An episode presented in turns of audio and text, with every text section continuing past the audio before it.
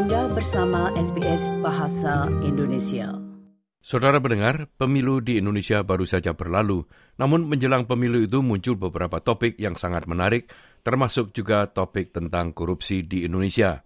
SBS Radio mendapat kesempatan berbincang-bincang dengan Deputi Koordinator dari Indonesian Corruption Watch, Ibu Siti Juliantari Rahman. Kami menanyakan kepada beliau bagaimana keadaan korupsi di Indonesia saat ini. Yeah, so my name is Siti Juliantari Rahman, or you can call me Tari. I'm a Deputy Coordinator of Indonesia Corruption Watch.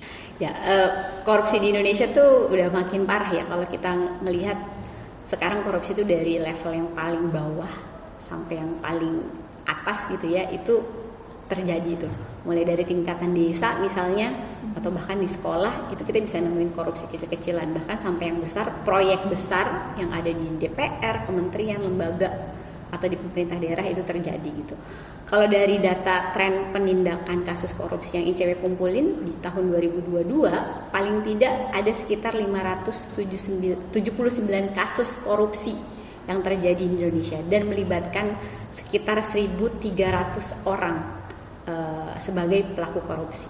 Ya, dengan kerugian negara itu mencapai 42 triliun. Jadi kalau kita bayangin 42 triliun ini kita konversi gitu ya ke pembangunan stadion, sekolah, rumah sakit itu udah berapa banyak tuh yang bisa dibangun dan berapa banyak masyarakat bisa akses itu. Dan kondisi ini semakin parah ketika kita melihat bagaimana kemudian penanganan kasus korupsinya. Kalau kita lihat penanganan kasus korupsinya, rata-rata uh, hukuman uh, bagi pelaku korupsi itu hanya 40 bulan atau 3 tahun 4 bulan dibandingkan dengan kerugian negara yang dia lakukan gitu ya itu tentu hal yang nggak sebanding. Nah ketika kita kemudian juga coba melihat seberapa jauh sih kemudian negara mencoba uh, mengembalikan gitu ya kerugian negara yang sudah terjadi melalui pidana denda atau ganti kerugian yang diterapkan ke dalam ketiap uh, kasus, kasus korupsi ternyata itu juga tidak menyenangkan gitu karena dari rata-rata misalnya uh, apa uang ganti rugi gitu ya yang kemudian diterapkan itu hanya 10% dari kerugian negara yang terjadi. Jadi kalau dibandingin antara kerugian negaranya dengan uh, apa namanya uang penggantinya gitu ya itu ya nggak sepadan gitu jadi kita sebenarnya nggak pernah bisa benar-benar balik pulih lagi gitu ya kalau seandainya ada kasus korupsi gitu dan kalau kita lihat juga misalnya sektornya sektor pendidikan sama kesehatan yang paling dekat dengan masyarakat yang memberikan pelayanan publik ke masyarakat ini malah selalu jadi sektor yang masuk 10 besar paling banyak korupsi. Kami juga menanyakan kepada beliau tentang kinerja Presiden Jokowi selama 10 tahun terakhir ini terhadap pemberantasan korupsi di Indonesia. Sebenarnya kalau kita lihat saat ini adalah uh, situasi yang paling buruk di antara yang di antara 10 tahun atau bahkan setelah pasca, atau pasca reformasi ya ter, uh, di sektor anti korupsi atau gerakan anti korupsi gitu.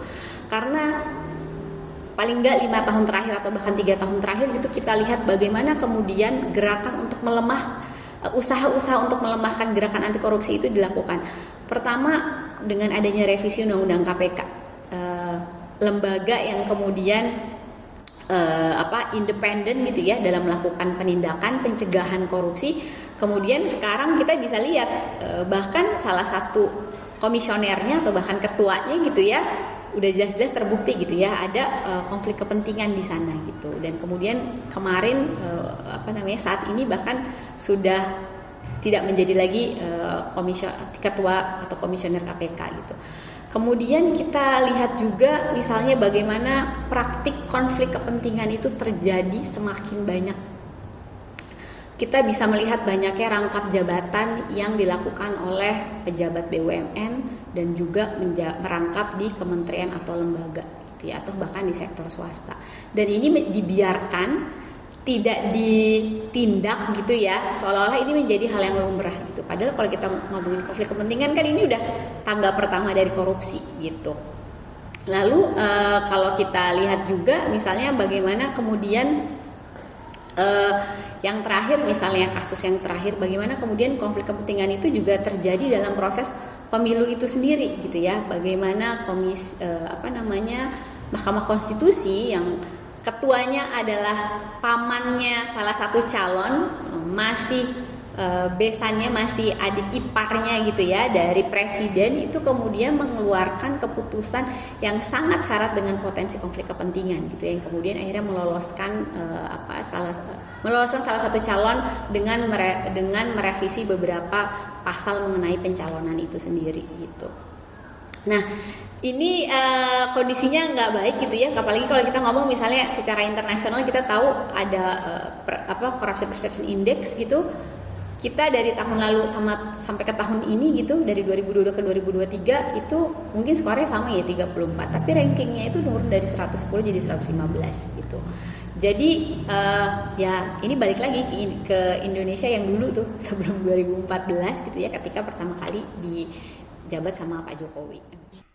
SBS juga menanyakan pendapat Ibu Tari terhadap tiga ketiga pasangan calon presiden untuk pemilu kali ini.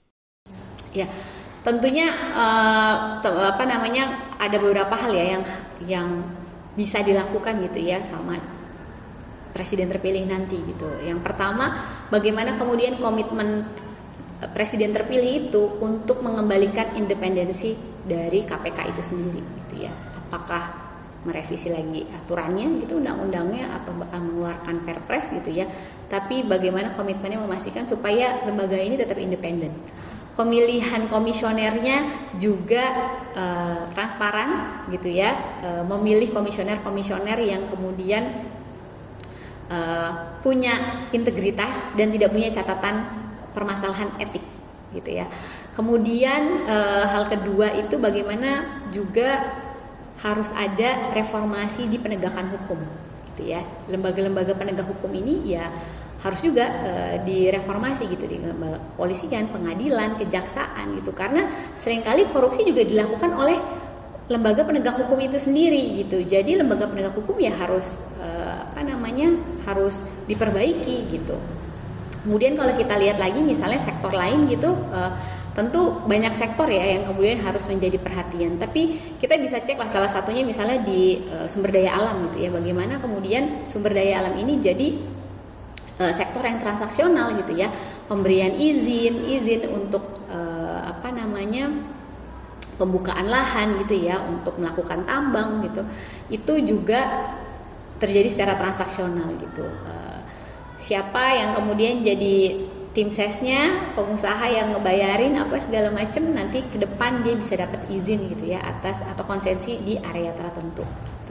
Nah itu di salah satu sektornya. Sektor lain pun banyak gitu kalau kita melihat pendidikan, kesehatan misalnya ngomongin relate langsung ke masyarakat ini juga sektor yang sebenarnya harus jadi perhatian gitu karena dua sektor ini ya salah satu dua sektor yang paling banyak juga kasus korupsi terjadi. SBS juga berbincang-bincang dengan koordinator dari BEM Indonesia, yaitu sebuah organisasi kegiatan mahasiswa, Hilmi A. Sidiki. Dan kami menanyakan kepadanya bagaimana pandangan mayoritas masyarakat Aula Muda Indonesia terhadap pemilu ini. Uh, Hilmi A. Sidiki, uh, kebetulan saya sebagai ketua BEM seluruh Indonesia, koordinator pusat BEM seluruh Indonesia. Saya asal dari Universitas 11 Maret Surakarta Oke, okay, uh, eh, pemilu ini kan ajang lima tahunan ya di pesta demokrasi Indonesia. Tentu ada suatu ketertarikan sendiri gitu untuk mengikuti event dari lima tahunan yang diadakan oleh pemerintah atau mungkin pesta rakyat ini. Ya dari pribadi sendiri sangat excited untuk di pemilu tahun ini karena kandidatnya ada tiga untuk calon presiden gitu ya dan saya rasa pemilu tahun ini akan sedikit menjadi suatu hal yang cukup menyenangkan buat anak muda karena sekarang yang menjadi uh, marketing dari para politikus itu adalah narasi-narasi anak muda gitu. Bagaimana kita lihat sekarang kalau nggak salah sekitar 52% pemilih itu adalah generasinya anak muda gitu. Nah, maka dari itu saya sebagai anak muda sendiri tentu sangat tertarik dengan pemilu tahun ini. Kami juga menanyakan apakah yang menarik perhatian dari para kaum muda itu. Ya menurut saya banyak sekali cara-cara yang dilakukan oleh para tiga kandidat ini atau tim suksesnya untuk menggait suara-suara anak muda gitu. Baik menggunakan narasi narasi-narasi anak muda itu sendiri gitu atau mungkin cara-cara kampanye yang anak muda atau gimmick politik anak muda yang akhirnya mereka lakukan untuk menggait suara-suara anak muda dan saya kira pemilu tahun ini menjadi pemilu yang paling kreatif gitu dibandingkan pemilu-pemilu tahun sebelumnya gitu. Karena memang pasarnya adalah pasar anak muda sehingga muncullah ide-ide kreativitas di tengah pasangan calon ini dan juga para tim ses tim sesnya untuk memutar otak bagaimana bisa menggait suara-suara anak muda itu melalui narasi-narasi yang dibawa ataupun strategi-strategi kampanye. Kami juga menanyakan apakah mereka optimis dengan masa depan mereka jika salah satu dari calon presiden itu memenangkan pemilu kali ini.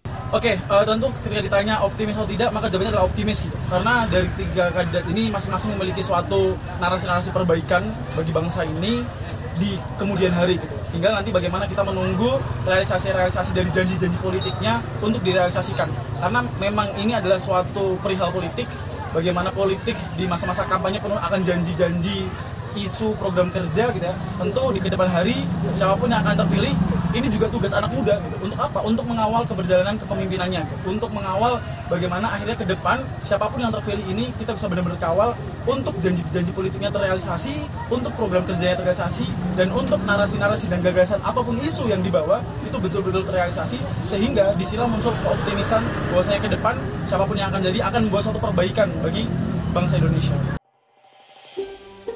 Anda ingin mendengar cerita-cerita seperti ini? Dengarkan di Apple Podcast, Google Podcast, Spotify, atau di mana pun Anda mendapatkan podcast Anda.